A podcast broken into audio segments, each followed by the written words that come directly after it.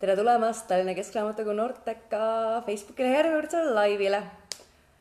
meie Facebooki laivide teemaks, nagu juba teist nädalat on traditsiooniks saanud, on see, et loeme ette Oscar Wilde'i äh, raamatut Dorian Gray portree. ja täna on siis juba selle ettelugemise neljas osa. esimeses osas tutvusime me peategelastega, ma oletan, et nad on peategelased, võib-olla nad on hoopis kõrvaltegelased esimeses osas kohtusime me kunstnikuga, kohtusime, tšau, Karin! Esimeses osas kohtusime kunstnikuga, kohtusime tema muusaga Dorian Gray'ga ja kohtusime kunstniku sõbraga Lord Henryga, kus siis valmis Dorian Gray'st imeline maal. teises osas rändasime rohkem ringi Lord Henryga, tema erinevatel sotsialiseerumistel ja nägime, kuidas ta mõjutab Dorian Gray'd. või oli see hoopis kolmandas osas? ja see oli vist kolmandas osas, teises osas oli see hoopis, kuna ta oli veel kunstniku juures, kuidas Lord Henry seal teda mõjutas ja siis oli väljaspool. nüüd mul on kõik täiesti sassis. esimeses osas oli kunstniku juures, teises osas olid nad äh, seltskonnas ja kolmas osa ehk siis, mis oli eelmine kord, kolmandas osas äh, kohtusime me Sibyl Vane'iga ehk Dorian Gray armastatuga, kellega ta loodab abielluda. nägime, kuidas tema vend läks ära Austraaliasse ja milline on tema ema suhtumine.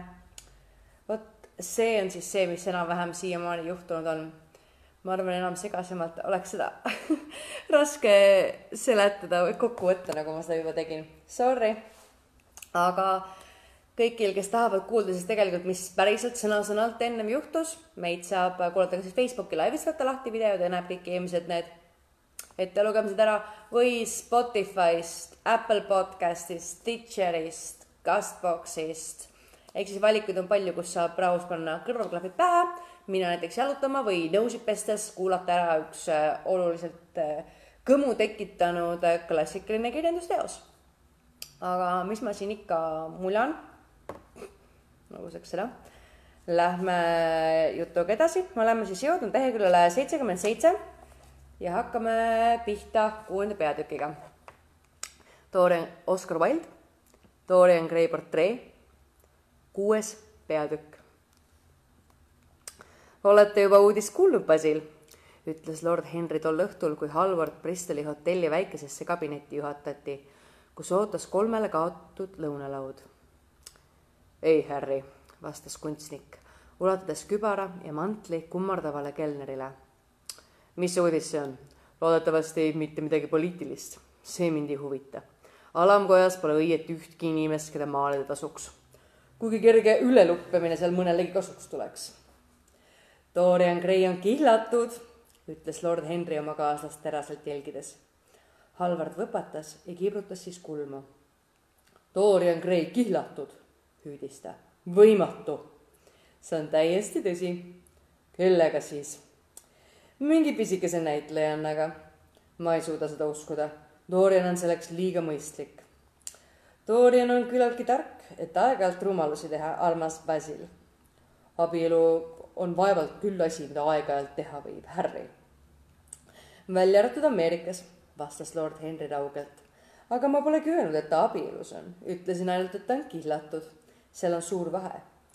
oma laulatusest on mul selge mälestus, aga kihlusest pole midagi meeles. kaldun arvama, et ma pole iial kihlatud olnudki. aga mõelge ometi Doriani seisusele, positsioonile ja jõukusele, mis mõtet on tal ebavõrdset abielu sõlmida. kui tahate, et ta selle tüdruka tõesti kosiks, siis korrake talle neid sõnu, Basil. siis teeb ta seda tingimata kui inimene mõne absoluutse lollusega hakkama saab, siis sünnib see ikka kõige õilsamatel ajenditel. loodan, et see on hea tüdruk, Harry. ma ei tahaks, et Dorian end seoks mõne madalolevusega, kes lavastaks ta loomuse ja hävitaks ta intellekti. oh, ta on rohkem kui hea, ta on ilus, ütles lord Henry, rüübates klaasist vermuti ja pomerantsi viina kokteili. Dorian ütleb, et ta on ilus ja niisugustes asjades eksib ta harva portree, mille te temast maalisite, on teritanud ta silma teiste inimeste välimuse suhtes. muude heade omaduste kõrval on sel portreel ka niisugune suurepärane mõju. täna õhtul näeme seda neiut, kui poiss oma lubadust ei unusta. kas te räägite tõsiselt? täiesti tõsiselt, Basil. kohutav on mõelda, et peaksin kunagi veel tõsisem olema kui praegu. kas te siis kiidate selle sammu heaks, Harry? küsis kunstnik toas edasi-tagasi käies ja huult närides. Võimatu, et te sellega päri olete. see on mingi totter sõgedus. praegu ei kiida ma midagi heaks ega mõista ka midagi hukka. elule vasta panna oleks täielik absurd. me pole siin ilmas selleks, et oma kõlbeliste eelarvamustega eputada mind pole kunagi huvitanud, mida tavalised inimesed ütlevad ja kunagi ei sega ma end ka meeldivate inimeste tegevusse. kui juba keegi mind võlub, siis võib ta oma isiksuse avaldamiseks valida mis tahes tee. See on minu jaoks ikka ühtviisi vaimustav. Dorian Gray armub ilusasse tüdrukusse, kes mängib Juliet ja kavatseb temaga abielluda. miks mitte? isegi kui ta me-, Messalinaga abielluks, ei muutuks ta sellest ometigi vähem huvitavaks. Te teate, et ma pole abielu eest võitleja. abielu põhiline miinus seisneb selles, et ta muudab inimese ebaisekaks. kuid ebaisekad inimesed on ilmetud, neil puudub isikupära. On aga siiski loomusi, keda abielu komplitseeritavamaks muudab. Need näevad oma isekuse ja omandavad lisaks sellele mitu uut ego. Nad on sunnitud enam kui üht elu elama. Nad muutuvad järjest kõrgemalt organiseerituks aga kõrgelt organiseeritud olla on minu arust inimkonna eksisteerimise eesmärk. pealegi on igal kogemusel oma väärtus ja ükskõik, mida abielu vastu ka öelda, ometi on ta kogemus. mina loodan, et Dorian Gray võtab selle tüdruku naiseks, jumaldab teda kirglikult kuus kuud ja armub siis äkki kellessegi teisesse. siis saaks temast tõeliselt suurepärane uurimusobjekt. Te ei usu ise ainustki sõna, mida te räägite, Harry Te teate seda isegi. kui Dorian Gray elu nurri läheks, poleks kellelgi sellest rohkem kahju kui teil endal. tegelikult olete te palju parem, kui te välja näitate. Lord Henry hakkas naerma. Põhjuseks, miks meile meeldib teistest inimestest nii hästi mõelda, on see, et me kõik iseenda pärast kardame. optimismi aluseks on lihtsalt hirm. peame end suuremeelseks, sest omistame oma naabritele voorusi, mis tõenäoliselt meile enestele tulu võivad tuua me kiidame pankurit, et saaksime katteta arvelt raha võtta ja teeröövlis leiame häid omadusi, lootes, et ta meie taskud rahule jätab. rääkisin ainult seda, mida ma tegelikult mõtlen. optimismi vastu tunnen ma suurimat põlgust. mis aga puutub rikutud ellu, siis rikutud on elu hmm., siis rikutud on ainult see elu, mille kasv on tõkestatud. kui tahate mõnda loomust hävitada, siis tarvitab, tarvitseb seda vaid parandada mis puutub abiellumisse, siis on see muidugi rumalus, aga meeste ja naiste vahel on ju ka teisi, palju huvitavamaid sidemeid. Neile aitan ma alati kaasa. Neis on moodsa stiili võlu. aga näe, Dorian tulebki. tema oskab teile rohkem rääkida kui mina. kallis Harry, kallis Basil, te mõlemad peate mulle õnne soovima, ütles poiss oma siidrivoodriga keepi seljast heites ja sõprade kätt surudes. ma pole veel kunagi nii õnnelik olnud muidugi on see ootamatu, kõik tõeliselt vaimustavad asjad on ootamatud, aga ometi näib mulle, et see on ainus asi, mida ma eluaeg olen oodanud. tõhetas erutusest ja rõõmust ning oli ebatavaliselt kauni, kaunis. soovin, et tulevikus alati niisama õnnelikuks jääksite, Dorian, ütles Halvard, kuid seda ei või ma teile kuidagi andeks anda, et te mulle kihtlusest ei teatanud. Harrile te ju teatasite ja mina ei saa teile andestada, et jäite lõunasöögile hiljaks rääkis lord Henry vahele, pannes poisile naeratades käe õlale.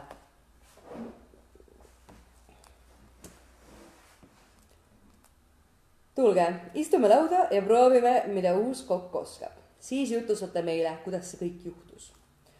tegelikult pole siin suurt midagi jutustada, hüüdis Dorian, kui nad kõik väikese ümmarguse laua ümbert istet võtsid. kõik juhtus lihtsalt nii. kui ma eile õhtul teie juurest ära läksin, Harry, riietusin ümber sõin kerge lõuna väikeses Itaalia restoranis Rupert Streetil, kuhu te mu kord viisite ja läksin kella kaheksaks teatrisse. Sibil mängis Rosalindi. Lavakujundus oli muidugi kohutav ja Orlando täiesti võimatu. kuid Sibil, te oleksite pidanud teda nägema. kui ta oma poisirõivastes lavale tuli, oli ta lihtsalt imeline. ta kandis kaneelivärvi varrukatega samblarohelist sametjakki, kitsaid pruune põlvepaeltega pükse väikest vaimukat rohelist mütsi, mida ehtis kalliskiviga kinnitatud hullisulg ja tuhmpunase voodriga kapuutsmantlit. ta tundus mulle kaunimana kui kunagi enne. Temas oli selle Tanagra kujukese õrne võlu, mis seisab teie ateljees, Basil. ta juuksed raamisid nägu nagu tumedad lehed roosi. mis puutub tema mängu, siis seda näete täna õhtul ise. ta on lihtsalt sündinud kunstnik. istusin seal räpp, räpases loožis täiesti võlutuna. unustasin, et olen üheksateistkümnenda sajandi Londonis.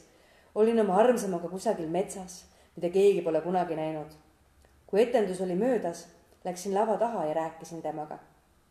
kui me seal kahekesi istusime, ilmus ta silmadesse pilt, mida ma seal kunagi varem näinud pole.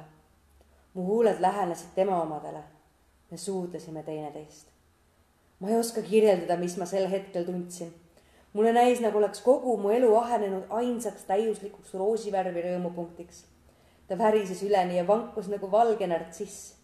siis langes ta põlvili ja suudles mu käsi. Tunnen, et ma ei peaks seda kõike teile jutustama, kuid ma ei saa teisiti. muidugi meie kihlus on suur saladus. tema pole sellest isegi oma emale rääkinud. ma ei tea, mida mu hooldajad selle kohta ütlevad. lord Radley saab kindlasti krambid. aga mis sellest? vähem kui aasta pärast olen täisealine ja siis võin teha, mis tahan. ma tegin ju õigesti, Basil, kui võtsin oma armsama luulest ja leidsin oma naise Shakespeare'i näidenditest. huuled, mida õpetas rääkima Shakespeare, sosistasid oma saladuse mulle kõrva. Rosalindi käed kallistasid mind ja ma suudlesin Julia huuli. jah, Dorian, küllap te tegite õigesti, ütles Halvard pikkamisi. olete teda täna näinud? küsis lord Henry. Dorian Gray raputas pead. ma jätsin ta Ardeni metsa ja leian ta Verona aiast. mõtlikult maitses lord Henry oma vahuviina. ja nimelt, ja nimelt, millises seoses te mainisite sõna abielu, Dorian?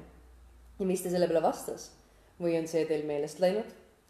kallis Harry, ma ei võtnud ju seda nagu mõnda äritehingut ega teinud ka mingit vormilist ettepanekut ütlesin talle, et ma armastan teda ja tema vastas, et ta pole väärt minu naiseks saama, ei ole väärt. temaga võrreldes pole terve maailm minu jaoks midagi. naised on haruldaselt praktilised, lausus lord Henry. Palju praktilisemad kui meie. selle taolises olukorras unustame me tavaliselt ikka abielu mainida, aga nemad tuletavad seda meile alati meelde. Halvard puudutas lord Henry käsivart. jätke, Harry Te pahandasite Doriani. tema pole nagu teised mehed. tema ei teeks kunagi kedagi õnnetuks. tema loomus on selleks liiga peen. lord Henry vaatas üle laua Doriani poole. Dorian ei pahanda minu peale kunagi, vastas ta. Esitasin oma küsimuse kõige kiiduväärsemal ajendil, mis vabandab igaühte igasuguse küsimuse esitamisel. lihtsalt uudishimust. mul on teooria, et mitte meie pole need, kes abielu ettepanekut teevad vaid et seda teevad ikkagi alati naised, välja arvatud muidugi keskklassides. aga keskklassid on ju vanamoelised. Dorian Gray puhkas naerma ja heitis pea selga. Te olete täiesti parandamatu, Harry, aga ma ei võta seda südamesse. Teiega on võimatu kurjustada. ja kui te Sibyl Vane'i näete, küllap siis tunnete isegi, et see mees, kes võib temale haiget teha, peaks olema loom, südametu loom ma ei suuda mõista, kuidas inimene üldse suudab häbistada seda, keda ta armastab. mina armastan Sibyl Vane'i, tahaksin tõsta ta kullast pjedestaadile ja näha, kuidas maailm jumastab, jumaldab naist, kes on minu oma. mis on abielu? vääramatu tõotus, sellepärast te heidate ta üle nalja. ah, ärge naljatage, just nimelt vääramatu tõotus on see, mida ma anda tahan. tema usaldus teeb mu truuks ja tema usk muudab mu heaks temaga olles kahetsen ma kõike, mida te mulle olete õpetanud. ma saan teistsuguseks kui see, kellena teie mind tunnete.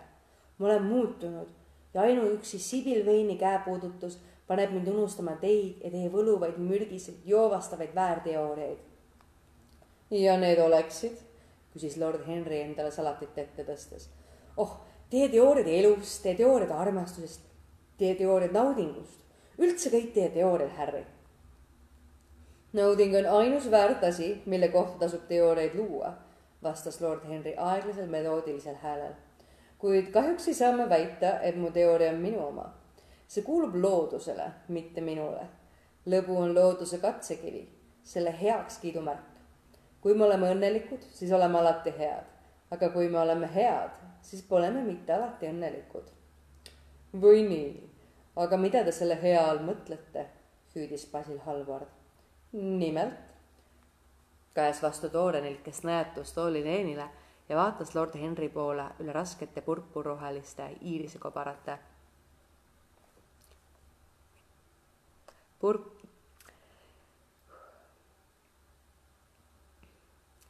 nimelt käes vastu Dorianilt, kes nõetus toolileenile ja vaatas lord Henry poole üle raskete purpurhuuliste iirisekobarate, mis seisid keset lauda. mida te selle hea all mõtlete, Harry? hea tähendab olla kooskõlas iseendaga, vastas lord Henry, puudutades valge peeneotsaliste sõrmedega viinaklaasi saledat jalga. ebakõla tähendab sundust olla kooskõlas teistega. igaühe enda elu, see on tähtis mis aga puutub ligimeestesse, siis võib igaüks, kes tahab, olla silmakirjateener või vagatseja. Neid kõlbelisest seisukohast arvustada, aga tegelikult ei lähe teised meile üldse korda. pealegi on individualismil hoopis kõrgem eesmärk. moodne kõlblus tähendab oma ajajärgu moraalinõuete arvestamist. mina aga arvan, et tõelise kultuuriinimese puhul on ajajärgu moraalinõuete arvestamine kõige jämedam kõlblusetus aga kui inimene elab ainult iseendale, Harry, peab ta selle eest ka kindlasti kohutavat hinda maksma, arvas kunstnik. jah, tänapäeval peame me kõige eest liiga kallilt maksma. mulle tundub isegi, et vaeste tegelik traagika seisneb selles, et nad ei saa endale lubada midagi muud peale enese salgamise. ilusad patud, nagu ilusad asjadki, on rikaste eesõigus. peab maksma millegi muuga, mitte rahaga. millega siis, Basil? Millega? ütleme näiteks kahetsuspiinadega, kannatustega, no kas või oma allakäigu tunnetamisega. lord Henry kehitas õlgu. armas sõber, keskaja kunst on kaunis, aga keskaegsed tunded on ajast ja arust. muidugi ilukirjanduses võib neid kasutada, aga ilukirjanduses võibki kasutada ainult seda, mida inimene tegelikkuses on lakanud kasutamast uskuge, ükski tsiviliseeritud inimene ei kahetse iial oma naudingut ja tsiviliseerimata inimene jälle ei tea, mis nauding on. mina tean, mis on nauding, hüüdis Dorian Gray. see on kedagi jumaldada. see on kindlasti parem, kui olla ise jumaldatud, vastas lord Henry puuviljaga mängides. olla jumaldatud on äärmiselt tüütu. naised kohtlevad meid just nii, nagu inimkond kohtleb oma jumalaid Nad kummardavad meid ja piinavad meid alatasa nõudmistega, et me nende heaks midagi teeksime. ütleksin pigem, et mida iganes nad meilt paluvad, seda on nad kõike meile varem andnud, sõnas poiss tõsiselt. Nemad loovad meie loomises armastuse, neil on õigus seda tagasi nõuda. see on täiesti õige, Dorian, hüüdis Halvard. miski ei ole iialgi täiesti õige, vastas lord Henry. aga see on ütles Dorian vahele. seda peate siiski möönma, Harry, et naised annavad meestele elukulla. võimalik, ohkas lord Henry, kuid vältimatult nõuavad nad selle sootuks peenrahana tagasi. selles on häda. naised innustavad meid meistriteoste loomisele, nagu ütles kord keegi teravmeelne prantslane, kuid alati takistavad nad meid nende teostamisel. Harry, te olete hirmus. ma ei saa aru, miks te mulle nii väga meeldite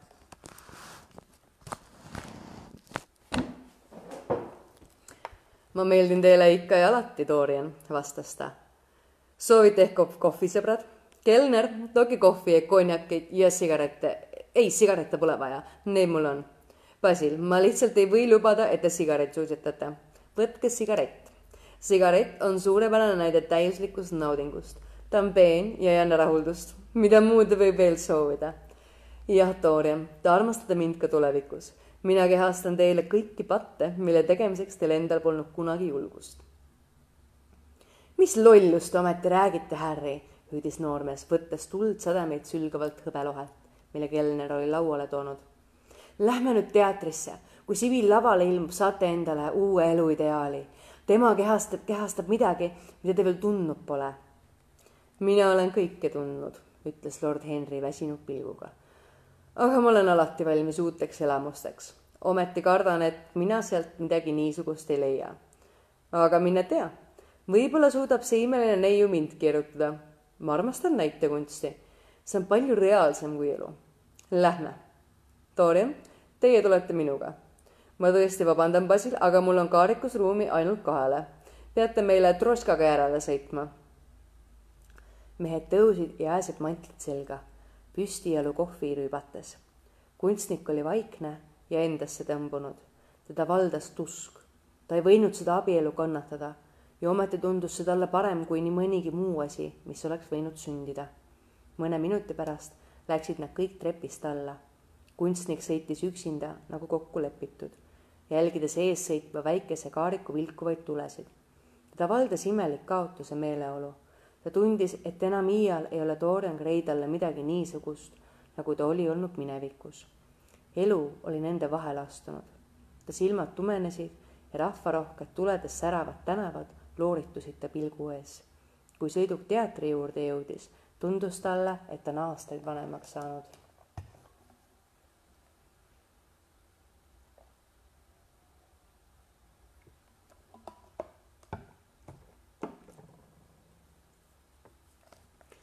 Seitsmes peatükk. millegipärast oli saal sel õhtul rahvast täis ja neile uksele vastu ruttava paksu juudi direktori punsunud näol säras lai võdisev õline naeratus üles puhutud roomamusega saatis ta nende looži, sealjuures oma lihavate sõrmustatud kätega veheldes ning kileval häälel rääkides. Dorian Gray jälestas teda täna rohkem kui kunagi varem. tal oli tunne, nagu oleks ta tulnud otsima Mirandat ja kohanud selle asemel Calibani. seevastu lord Henryle meeldis direktor väga. seda ta vähemalt väitis ja ta tahtis talle tingimata kätt suruda, kinnitades, et olevat uhke, tutvudes mehega kes on avastanud tõelise geeniuse ning läinud pankrotti luuletaja pärast. Halvard jälgis huviga nägusid allsaalis. oli lämmatavalt kuum ja ilmatu suur kroonlühter lõõmas nagu määratud tulikollaste õielehtedega neitsi selg. Rõdul olid noormehed kuued ja vestid maha ajanud ja rõdu rinnatisele ladunud. Nad kõnetasid üksteist üle teatrisaali ja jagasid apelsine labaselt üles puhvitud tüdrukutega, kes nende kõrval istusid mõned naised all saalis naersid. Nende häälekaja oli talumatult läbilõikev ja võigas. puhvetist kostis lahti korgitavate pudelite lupsatusi. kes oleks võinud arvata, et inimene siit paigast oma jumalanna leiab, ütles lord Henry. Jah, vastas Dorian Gray, siit ma ta leidsin ja temast jumalikumat olendit pole olemas. tema mängu vaadates unustate kõik muu. Need labaste nägude ja jõhkra olekuga lihtsalt tahumata inimesed muutuvad hoopis teistsuguseks, kui ta lavale tuleb. Nad istuvad vaikselt ja vaatavad teda. Nad nutavad ja naeravad tema tahtmist mööda. ta teeb nad tundlikuks nagu viiuli. ta hingestab neid ja siis tundub, et nad on sinuga üks liha ja veri. Üks liha ja veri, oh loodetavasti mitte, hüüdis lord Henry, kes teatribinokliga rõdupublikut uuris. ärge pange teda tähele, Dorian, ütles kunstnik ma saan aru, mida te öelda tahate ja minul on sellest tüdrukusse usku. see, keda teie armastate, peab olema imeline ja tüdruk, kes mõjub nii, nagu te kirjeldate, peab olema peen ja õilis. oma ajastut hingestada, seda tasub teha. Kui see tüdruk suudab anda hinge neile, kes on seni elanud ilma selleta, kui ta suudab äratada ilutunde inimestes, kelle elu on olnud räpane ja inetu kui ta suudab neid välja kiskuda isekusest ja kinkida neile pisarad murede jaoks, mis pole nende enda omad, siis on ta väärt, et te teda jumaldate. siis on ta väärt, et kogu maailm teda jumaldaks. see abielu on täiesti õigustatud. algul ma ei mõelnud nii, aga nüüd kiidan ma selle heaks. Jumalad tegid Sibil veini teie jaoks. ilma temata te jääksite nagu poolikuks. tänan, Basil, vastas Dorian Gray'de kätt surudes ma teadsin, et teie mind mõistate. Harry on nii küüniline, et ajab mulle hirmu peale. aga orkester alustabki juba. see on võrdlemisi kohutav, aga ei kesta üle viie minuti. siis tõuseb eesriie ja te näete tütarlast, kellele ma tahan anda kogu oma elu, kellele olen andnud kõik, mis minus on head. Veerand tunni pärast astus tohutu aplausitormel saatel lavale Sibyl Vane. jah, mõtles lord Henry, teda on tõesti väga kena vaadata üks kaunimaid olendeid, keda ta kunagi elus näinud on. ta ehmunud pilgus oli hirve talle pelglikku ilu. kui ta vaatas vaimustatud rahvatulva saalis, kerkis ta palgetele kerge õhetus nagu roosi vastuhelk hõbepeeglis. ta taganes paar sammu ja ta huuled näisid värisevat. Basil Halvard kargas püsti ja hakkas plaksutama. liikumatult nagu unes istus Dorian Gray ja vaatas ainiti neiut. lord Henry uuris teda läbi binokli ja pomises. võluv, võluv. järgnev stseen kujutas saali Capuletti majas, kuhu on ilmunud palveränduri kostüümis Romeo koos Mercutio ja teiste sõpradega. orkester oli, mis ta oli, mängis mõne takti ja algas tants. Läbi saamatult ja viletsalt riiedatud näitlejate summa liikus Sibyl Vein nagu saadik kuskilt paremast maailmast. tantsides hõljus ta keha nagu õõtsub taim voolavas vees. ta kaelakaarjoon meenutas valget liiliat. tema käed näisid olevat jahedast elevandiluust. kuid ta oli imelikult ükskõikne. ta ei avaldanud vähimatki rõõmu, kui ta pilk Romeot tabas. vähesed sõnad, mis tal öelda. Kätt laita, palverändur, pole vaja sest tema siivset hardust näitab see, ka pühakul kätt riivab palvetaja ja kätte suudlus palvet halvaks tee. samuti sellele järgnev lühike kahekõne esitati läbinisti kunstlikul viisil. hääl oli suurepärane, kuid rõhu seisukohalt täiesti võlts. selle värving oli vale, see võttis kogu värsilt tema elulisuse. see muutis kire ebausutavaks. Teda vaadates muutus Dorian Gray kahvatuks. ta oli jahmunud ja ärevil kumbki sõber ei söandanud talle sõnagi lausuda. tütarlaps näis nende meelest täiesti andetu olevat. Nad olid hirmsasti pettunud. ometi teadsid nad, et iga Julia tõeliseks katsekiviks on teise vaatuse rõdustseen. Nad jäid seda ootama. kui ta ka selles läbi kukub, siis ei ole temas midagi. kuuvalgele ilmudes oli ta imeilus, seda ei saanud salata. Kuid tema mänguteatraalsus oli talumatu ja läks jätkudes aina hullemaks ta liigutused muutusid absurdselt kunstlikuks. kõike, mida tal öelda oli, rõhutas ta üle, neid ilusaid ridu. öömask, sa tead, mul varjab palet, muidu mu põsel neitsi häbi punetaks, neist sõnust, mis mind kuulsid, ütlevat. deklameeris ta piinliku täpsusega nagu koolitüdruk, kes on õpetust saanud teisejärgulise ilulugemise professori juures. Ja kui ta kummardus üle rõdurinnatise ja jõudis imekaunite ridadeni, oled küll rõõm, mu rõõm kuid öine sobing mind ei rõõmusta. ta on liig järsk, liig kiire, ennatu, kui valgussähvak, mis kaob enne veel. kui jõuad öelda välkus, arm, head ööd, see armupung, kui suvi hingab sooja, võib lilleks puhkeda, kui kohtume. siis ütles ta neid sõnu, nagu neil tema jaoks poleks mingit tähendust. Ta ei närveerinud, kaugel sellest, ta oli absoluutselt rahulik, ta lihtsalt mängis halvasti see oli täielik läbikukkumine. isegi lihtsalt harimata vaatajad saalis ja teised rõdul näi-, kaotasid näidendi vastu huvi. Nad muutusid rahutuks, hakkasid paljult rääkima ja vilistama. juudi direktor seisis esimese rõdu viimases reas, trampis viha pärast jalgu ja vandus. ainus, kes rahulikuks jäi, oli tüdruk ise. teise vaatuse lõpul puhkes tormiline sisin. lord Henry tõusis toolilt ja ajas mantli selga. ta on päris ilus, Dorian ütles ta, kuid ta ei mõista mängida. Lähme. mina vaatan näidendi lõpuni, vastas poiss karmil kibedal häälel.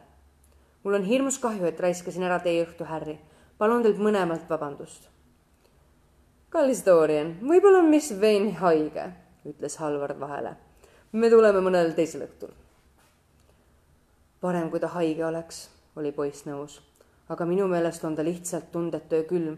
ta on täiesti muutunud eile õhtul oli ta suur kunstnik, täna õhtul on ta ainult labane keskpärane näitlejanna. kui te kedagi armastate, ärge temast kunagi nii rääkige, Dorian. armastus on midagi ülevamat kui kunst. mõlemad on lihtsalt teatavad jäljenduse vormid, ütles lord Henry. Aga lähme nüüd, teie, Dorian, ei tohi kauemaks siia jääda. halva näitleja jälgimine laostab te inimese moraali ja pealegi te vaevalt soovite, et teie naine laval esineks. nii et sellest pole midagi. kui ta mängib Juliat nagu puunukk, ta on väga meeldiv ja kui ta elust niisama vähe teab kui näitlemisest, siis on ta teile võluvaks elamuseks. tõeliselt veetlevaid inimesi on ainult kahte tõugu. Need, kes teavad absoluutselt kõike ja need, kes ei tea absoluutselt mitte midagi. armuline taevas, kallis poiss, ärge tehke ometi nii traagilist nägu. igavese nooruse saladus seisneb oskuses hoida sündmatust erutusest. tulge minu ja Basiliga klubisse. suitsetame sigarette ja joome kauni sibilveini terviseks. ta on ilus, mida te veel tahate? minge, minge ära, Harry, hüüdis poiss. tahan üksi jääda. minge ka teie, Basil. ah, eks te näete, et mu süda lõhkeb. palavad pisarad tõusid talle silmi ta huuled hakkasid värisema ja ta tõmbus ruttu looži tagaseina äärde, nõjatus selle vastu ja peitis näo kätesse. Lähme, Basil, ütles lord Henry imeliku õrnusega hääles. mõlemad noormehed läksid välja. varsti pärast seda süttis rambivalgus ja eesriie kerkis kolmandaks vaatluseks. Dorian Gray istus uuesti oma kohale. pealtnäha oli ta kahvatu, uhke ja ükskõikne etendus venis edasi ja tundus lõputu. pooled vaatajad väljusid naerdes ja raskete saabastega trampides. kogu õhtu läks täiesti nurja. viimast vaatust mängiti peaaegu tühjale saalile. eesriie langes naerukihinate ja urinate saatel. niipea, kui see kõik möödas oli, tormas Dorian Gray lava taha näitlejate tuppa. tüdruk seisis seal üksi, näol võidurõõmus helk. ta silmades leegitses imeline tuli teda ümbritseb üks kummaline kiirgus. paokil huuled naeratasid mingile ainult neile teadaolevale saladusele. kui Dorian Gray sisse astus, vaatas neiu talle otsa ja ta näkku ilmus piiritu rõõm. kui halvasti ma täna mängisin, Dorian, hüüdis ta. kohutavalt, vastas noormees ja vaatas talle jahmunult otsa. kohutavalt, see oli õudne. oled sa haige? see, sa ei kujuta ette, mis see oli. sa ei kujuta ette, kuidas ma kannatasin tüdruk naeratas. Dorian, vastas ta noormehe nime nii aeglase meloodilisusega venitades, nagu maitseks seda huulte punastele õilmelehtedele magusam kui mesi. Dorian, sa oleksid pidanud mõistma, aga nüüd sa ometi mõistad. mis siin mõista on, küsis poiss peaselt. miks ma täna õhtul nii halvasti mängisin? miks ma ka tulevikus halvasti mängin? miks ma enam kunagi hästi, miks ma enam kunagi hästi mängida ei saa? Dorian kehitas õlgu sa oled vist haige, haigena ei tohiks sa esineda. sa teed end naeruväärseks. minu sõpradel oli igav, minul oli igav. neiu ei paistnud teda kuulavat, rõõm oli ta ümber muutnud. õnne joovastus surus kõik muu kõrvale. Dorian, Dorian, hüüdis ta. kui ma sind veel ei tundnud, oli näitlemine mu elu ainus sisu. tõeliselt elasin ma ainult teatrilaval mõtlesin, et see kõik on tõsi. Ühel õhtul olin Rosalind, teisel Portia. Beatrice'i rõõm oli minu rõõm, Cordelia valu oli ka minu valu. ma uskusin kõike. igapäevased inimesed, kes mu partneriteks olid, olid mu meelest jumalikud. värvitud kulissid olid minu maailm. ma tundsin ainult varje ja pidasin neid tõelisteks. ja siis tõid sina, oh mu kallis arm, ja vabastasid mu hinge vanglast. sina õpetasid mulle, mis tegelikult mis tegelikkus tõeliselt on. Täna õhtul nägin ma esimest korda elus selle tühise palagani õõnsust, silmakirjalikkust ja totrust, mille keskel ma olin alati mänginud. täna õhtul taipasin esimest korda, et Romeo on jõle, vana ja värvitud. et kuuvalgus aias on võlts, et dekoratsioonid on labased ja et sõnad, mis ma ütlema pean, ei ole tõelised, ei ole minu sõnad, ei ole need, mida ma öelda tahan sina andsid mulle midagi kõrgemat, midagi, mida kunst üksnes peegeldab. sina õpetasid mind mõistma, mis armastus tegelikult on. mu armsam, mu armsam, prints Võluja, eluvürst, kõik need varjukujud on mu meelest läilad. sa oled mulle rohkem, kui kunst iial olla võib. mis on mul tegemist näidendi hüpiknokkudega? kui ma täna õhtul lavale tulin, ei suutnud ma veel taibata, et see kõik on minust kadunud tahtsin täna õhtul imehästi mängida ja äkki leidsin, ma ei suuda midagi. äkki koitis mu hinges, mida see kõik tähendab. selles teadmises oli minu jaoks midagi imelist. kuulsin nende sisistamist ja naeratasin. mida teavad nemad sellisest armastusest nagu meie oma? vii mind siit ära, Dorian. vii mind endaga kaasa sinna, kus me saame olla ainult kahekesi. ma vihkan teatrilava. ma võiksin näidelda kirge, mida ma ei tunne aga ma ei suuda näidata kirge, mis mind tulena põletab. Oh, Dorian, Dorian, kas sa mõistad nüüd, mida see tähendab? isegi kui ma seda suudaksin, tähendaks armastuse mängimine mulle pühaduse rüvetamist. sina õpetasid mind seda mõistma. Dorian viskus sohvale ja pööras näo kõrvale. sa tapsid mu armastuse, pomises ta. neiu vaatas teda üllatunult ja puhkes naerma. noormees ei vastanud. neiu tuli ta juurde ja silitas oma väikeste sõrmedega ta juukseid. Ta laskus põlvili ja surus poisi käed oma huultele. Dorian tõmbas käed ära ja värin läbis ta keha. siis kargas ta püsti ja läks ukse juurde. jah, karjus ta, sa tapsid mu armastuse. varem erutasid sa mu kujutlusvõimet, nüüd ei suuda sa isegi mu uudishimu äratada. sa lihtsalt ei avalda enam mingit mõju. ma armastasin sind, sest sa olid võrratu, sinus oli geniaalsust ja mõistust. Sa teostasid suurte luuletajate unistusi, andsid kuju ja sisu kunstiviirastusele nüüd oled selle kõik kaotanud. sa oled pealiskaudne ja nõme. mu jumal, kuidas ma küll nii hull võisin olla ja sind armastada?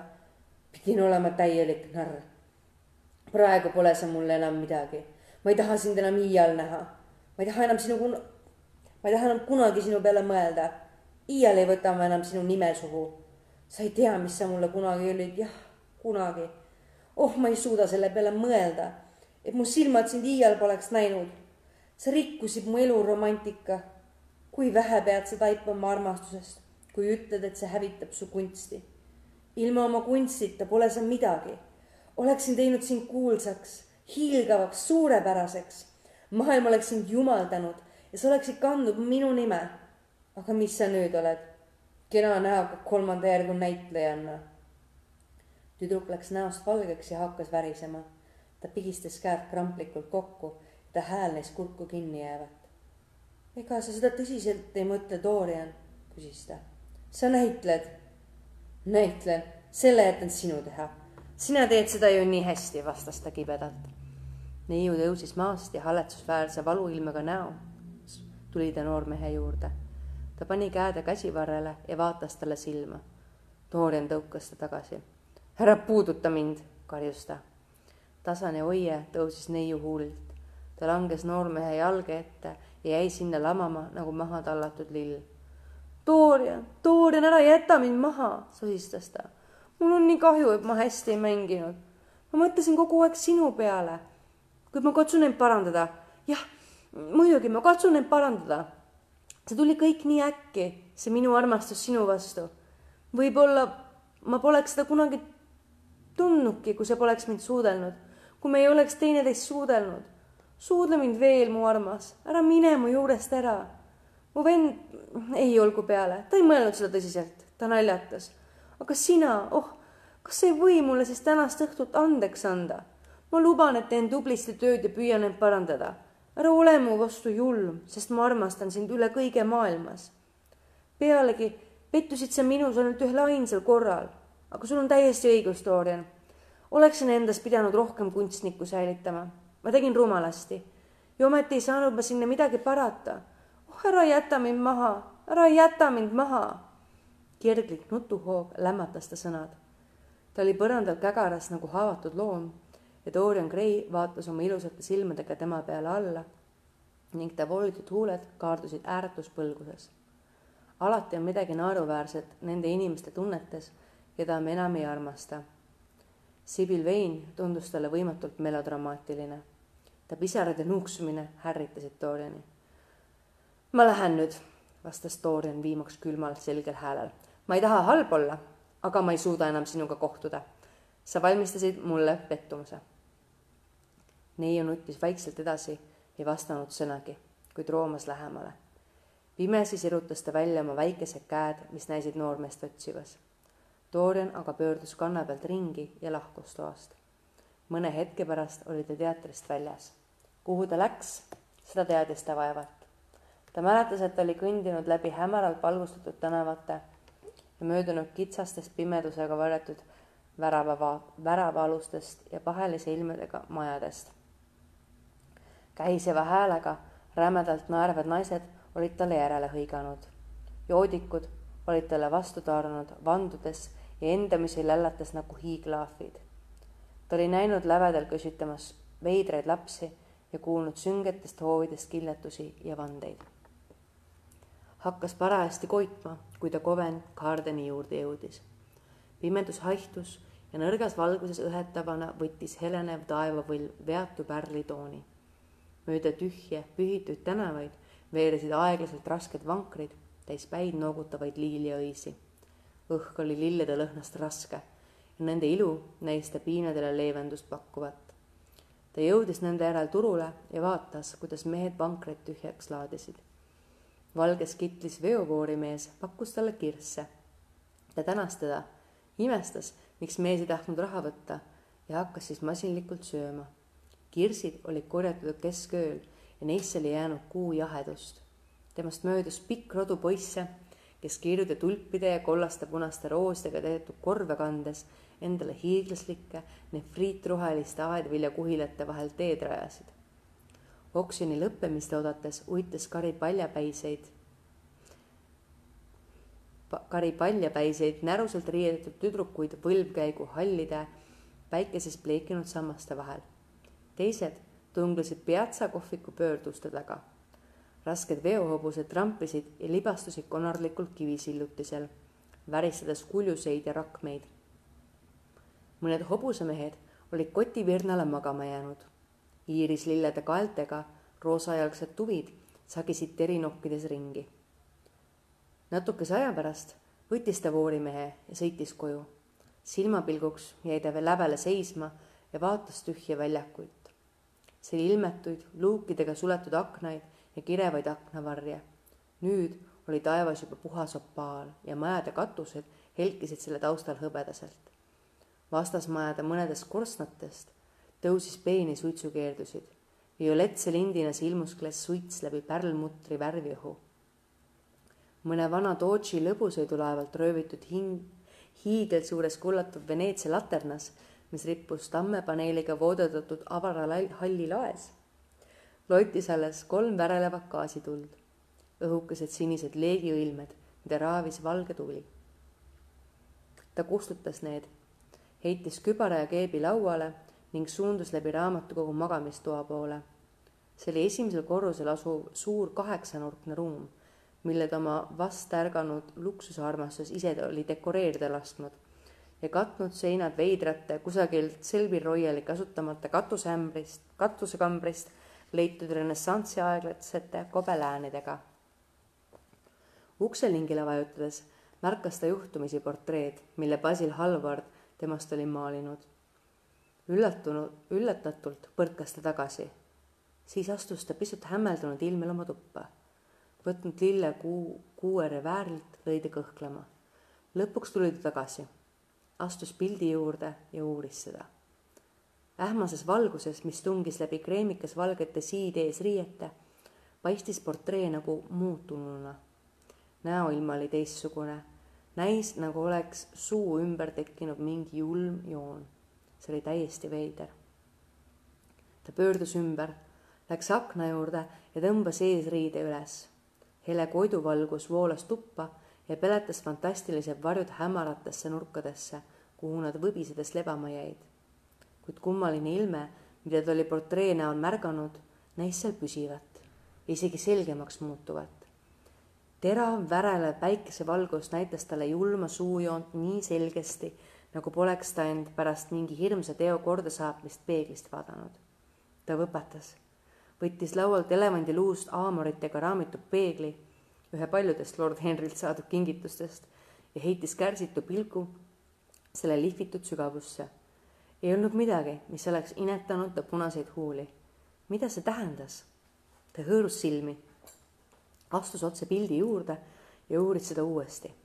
kui ta maali pinda vaatas, polnud seal vähimatki muudatust märgata ja ometi polnud kahtlust, et ilme oli hoopis teine. see polnud ainult tema kujutelm, vaid kohutavalt ilmne tõsiasi. ta istus togitooli ja jäi mõttesse. äkki turgatasid talle meelde sõnad, mida ta oli öelnud Basil Hallwardi ateljees tol päeval, kui ta pilt lõplikult valmis sai. jah, ta mäletas seda selgesti ta oli avaldanud hullumeelset soovi, et tema ise jääks nooreks, aga portree vananeks. et tema enda ilususeks rikkumata, aga nägu lõuendil kannaks ta kirgede ja pattude koormat. et maalitud kujul aastaksid kannatuste ja mõtete jooned, temas aga säiliks äsja iseendas teadlikuks saanud nooruse õitse võrnus ja armsus. ega ta soov äkki täide polnud läinud. niisugused asjad on võimatud. hullumeelsus oleks sellest mõeldagi ja ometigi sealsamas ta ees seisis pilt, julm kurd ümber suu. julmus. oli ta siis julm olnud? see oli ju tüdruku, mitte tema süü. tema oli Sibilist unistanud kui suurest kunstnikust, kinkinud talle oma armastuse, sest ta pidas teda suureks. siis aga oli Sibil tema lootusi petnud. ta oli osutunud tühiseks ja väärituks ja ometi meenutas ta meeletu kahetsusega, kuidas neiude jalge ees oli lämmanud nuuksudes nagu väike laps. tal tuli meelde, kui kalgi südamega ta seda pealt oli vaadanud. miks oli ta niisuguseks loodud? miks oli talle niisugune hing antud? kui ikka tema oli kannatanud, nende kolme õudse tunni jooksul, mis etendus kestis, oli ta läbi elanud sajandite valud, aastatuhandete piinad. tema elu oli ometigi niisama palju väärt kui neiul. kui tema oli neiut eluks ajaks haavanud, sest neiu oli tema hetkeks täiesti hävitanud. pealegi on naised valude kannatamiseks paremini ette valmistatud kui mehed. Nad elavad tunnetest. Nad mõtlevad ainult oma tunnetele. Kui nad endale armukese võtavad, siis ainult selleks, et oleks keegi, kellele stseene korraldada. seda oli talle öelnud lord Henry ja tema ometi teab, mida naised arvavad. miks ta peaks siis Sibyl Vane'i pärast südant valutama? nüüd ei tähenda neiu talle enam midagi aga portree, mis ta selle peale öelda? see hoidis tema elusaladust ja jutustas tema lugu. portree oli teda õpetanud iseenda ilu armastama. Kas õpetab see teda nüüd jälestama iseenda hinge? kas ta seda veel kunagi vaatab? ei, see oli vaid üles ärritatud meeltest tulenev pettekujutlus. õudne öö, mille ta oli mööda saatnud, oli oma viirastused järele jätnud. tajus oli tekkinud tilluke veripunane laik, mis ajab inimesed hulluks. portree polnud muutunud. nõdrameelsus oli seda mõeldagi. kuid pilt vaatas teda, vaatas oma ilusa rikutud näo ja julma naeratusega. Selle hele juus helkis varases päikesepaistes. selle sinised silmad kohtasid noormehe omi. teda valdas piiritu kaastunne mitte iseenda, vaid oma pildi vastu. see oli juba muutunud ja peab veelgi muutuma. selle kuld peab närtsima, halliks selle punased ja valged roosid peavad surema. iga tema patu eest peab ilmuma mõni täpp või plekk ja määrima ta veetlust. aga ta ei patusta enam. pilt on oma muutunud või muutumatul kujul, saab, pilt oma muutunud või muutumatul kujul saab talle ta südametunnistuse nähtavaks sümboliks. ta paneb kiusatusele vastu.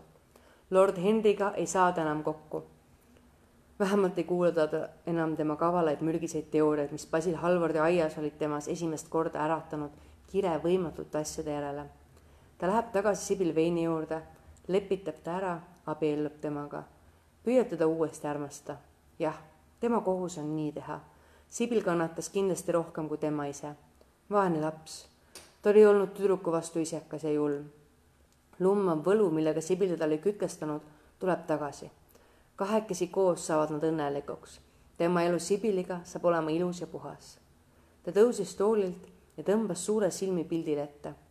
ainus pilk sellele ajas talle judinad peale. kui jube, pobises ta endamisi, astus klaasukse juurde ja avas selle. välja mulul astunud tõmbas ta sügavalt hinge. värske hommikuõhk näis kõik sünged kired eemale peletavat. ta mõtles ainult Sibilile. ta endise armastuse nõrk aja tuli tagasi. ikka ja jälle kordas ta neiu nime. linnud, kes laulsid kastemärjas aias, justkui jutustasid lilledele temast.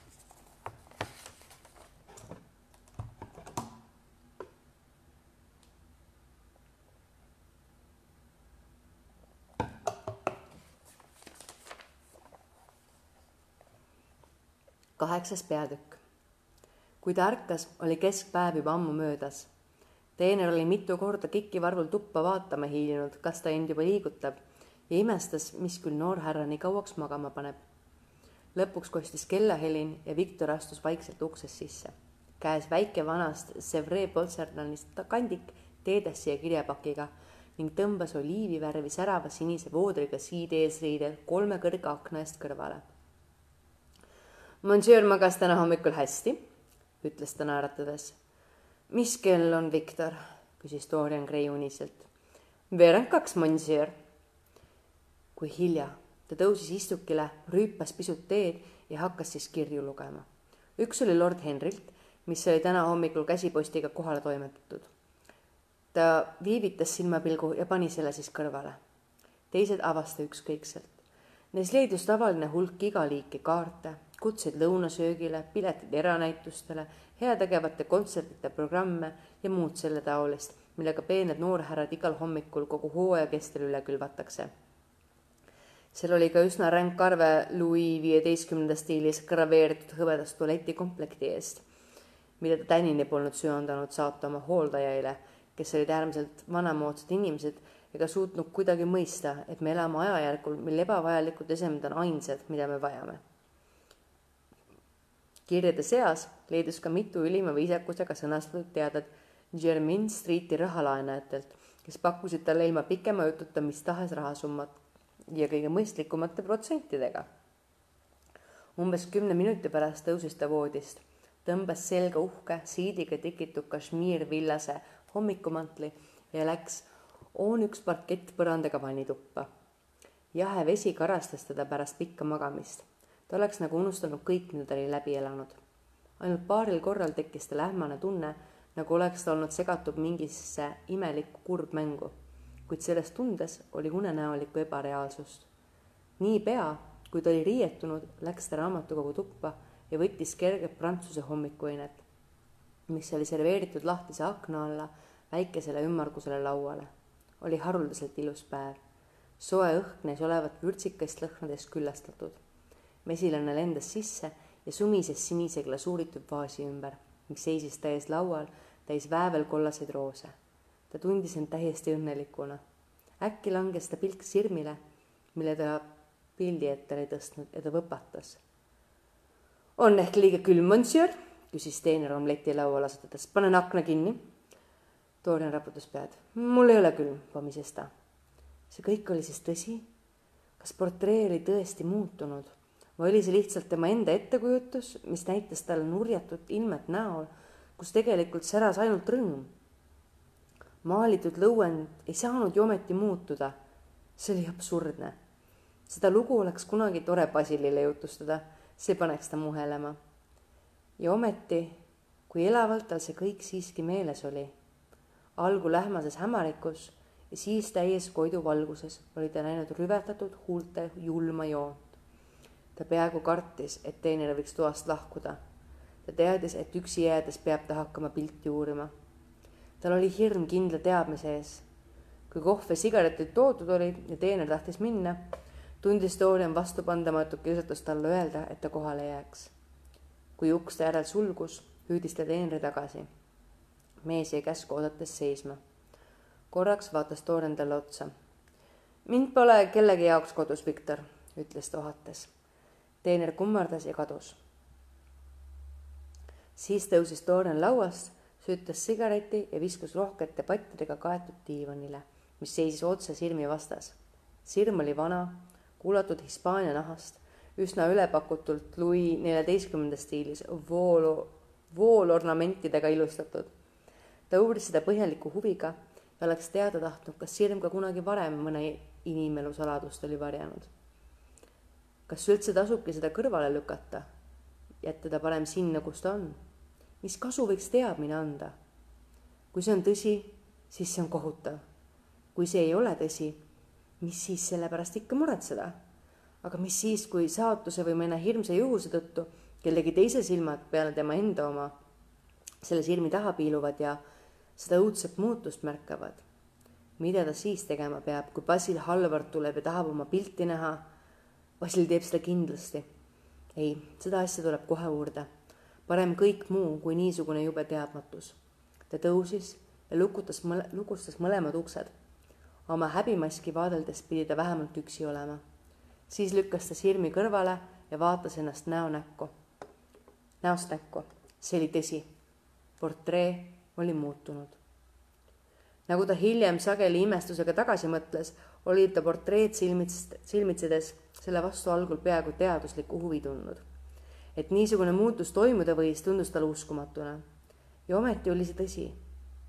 võib-olla olid aatomid, mis end lõuanil värviks ja vormiks kujundasid, salapärases suguluses tema enda hingega. kas võib olla, et aatomid teostavad selle, mida hing mõtleb? et see, millest ta unistab, muutub nende läbi tõeks või oli siin mingi teine, veelgi hirmsam põhjus? Tal jooksid judinad üle selja, teda valdas hirm ja ta läks tagasi diivani juurde. heitis pikali ning jäi halvavas õuduses pilti vahtima. siiski tundis ta, et ühe teene oli pilt talle ometi osutanud. see oli teinud ta teadlikuks, kui ülekohtune, kui julm ta Sibil Veini vastu oli olnud. aga veel pole hilja seda kõike heaks teha. Sibil võib ta veel naiseks saada ta ebatõene, ta ebatõeline ja isekas armastus peab alluma mingile kõrgemale mõjule, peab muutuma õilsamaks kireks ja pilt, mille Basil Hallvard temast oli maalinud, saab talle teejuhiks läbi kogu elu. saab talle selleks, mis on ühtedele pühadus, teistele südametunnistus ja meile kõigile hirm Jumala ees. leidub ju rahusteid kibedate hingepiinade vastu ja uimastusvahendeid, mis õigutavad kõlblustunde unele kuid siin on elav tõend patu alla kiskuvast mõjust. siin on alatiseks püsima jääv märk sellest, kuidas inimesed oma hinge hävitavad. kell oli kolm, siis neli, siis kumiseb pool tunni kahekordne löök, kuid Dorian Gray ei liigutanud. ta püüdis koguda oma elu tulipunaseid lõngu ja neid korrapäraseks mustriks põimida. püüdis leida teed veretavas kirgede labürindis, milles ta praegu rändas ta ei teadnud, mida teha või mida mõelda. lõpuks istus ta laua taha ja kirjutas tütarlapsele, keda ta oli armastanud, kirgliku kirja, paludes temalt härdalt andeks andmist ja süüdistades ennast hullumeelsuses. ühe lehekülje teise järel kattis ta meeletu kurbuse ja veelgi meeletuma valusõnadega. enesesüüdistus on ikka mingil määral uhkeldamine. ent ise hukka mõistes tunneme, et kellelgi teisel pole enam õigust meid hukka mõista patud annab meile andeks just nimelt pihtimine, aga mitte preester. kui Dorian oli kirja lõpetanud, tundis ta, et talle on andeks antud. äkki kostis ukselt koputus ja ta kuulis kõrvaltoast lord Henry häält. kallis poiss, ma pean teiega kokku saama, laske mind kohe sisse, ma ei või kannatada, et te niiviisi luku taha panete.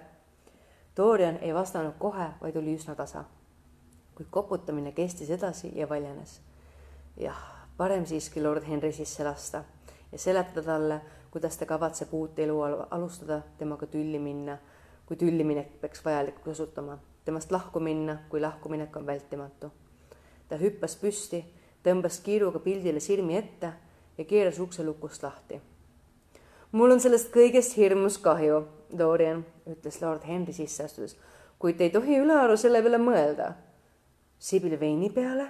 küsis poiss jah, muidugi, vastas lord Henry tugitooli vajudes ja pikkamisi oma kallaseid kindaid käest tõmmates. ühest küljest on see tõesti kohutav, aga see polnud teie ju teie süü. Öelge mulle, kas läksite pärast etenduse lõppu tema juurde lava taha? jah, ma olin selles kindel. kas tegite talle stseeni? ma olin jõhker, Harry, hirmus jõhker. aga nüüd on kõik korras. ma ei kahetse enam midagi. mis juhtus? see on mind õpetanud iseennast paremini mõistma ah, Dorian, mul on tõesti hea meel, et te seda nii võtate. kartsin juba, et leian teid kibedates südametunnistuspiinades ja oma ilusaid kiharaid katkumas. sellest kõigest sain ma juba üle, ütles Dorian pead raputades ja naeratades. nüüd olen ma täiesti õnnelik. kõigepealt sai mulle selgeks, mis südametunnistus õieti on. hoopis mitte see, mida teie mulle rääkisite. see kõige jumalikum asi, mis meis on. ärge enam irvitage selle üle, lord Henry. vähemalt ärge seda minu eest tehke ma tahan olla hea. ma ei suuda taluda mõtet, et mu hing on inetu. äärmiselt võlukunstiline alus eetikale, Dorian. soovin teile selle puhul õnne. ja kuidas te alustada kavatsete? Sibyl Veiniga abielludes. abielludes Sibyl Veiniga, hüüdis lord Henry püsti tõustes ja vaatas noormehele jahmunult otsa. mu kallis Dorian, aga jah, Henry, ma tean, mida te öelda tahate.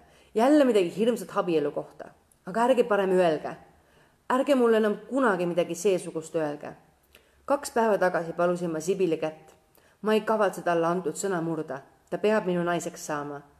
Teie naiseks? Dorian? kas te siis mu kirja kätte ei saanud? ma kirjutasin teile täna hommikul ja saatsin selle oma teenriga ära. Teie kiri, ah jaa, mul tuleb meelde, ma pole seda veel lugenud, Harry. kartsin, et seal ehk on midagi, mis mulle ei meeldi. oma pilkesõnadega lõikate ta elu tükkideks.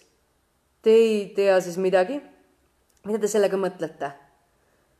lord Henry läks ja istus Doriani kõrvale, võttis ta mõlemad käed oma pihku ja hoidis neid kõvasti. Dorian, ütles ta, minu kirjas, ärge ehmatage, oli teade, et Sibyl Vane on surnud. valukarjatus vallandus poisi huultelt ja ta hüppas püsti, rebides oma käed lord Henry haardest vabaks. surnud, Sibyl surnud, see pole tõsi, see on kohutav vale, kuidas te julgete seda öelda? see on siiski tõsi, Dorian, ütles lord Henry tõsiselt. see on kõigis tänahommikustes lehtedes sees. kirjutasin teile, et te neist ühtegi enne ei loeks, kuni mina tulen.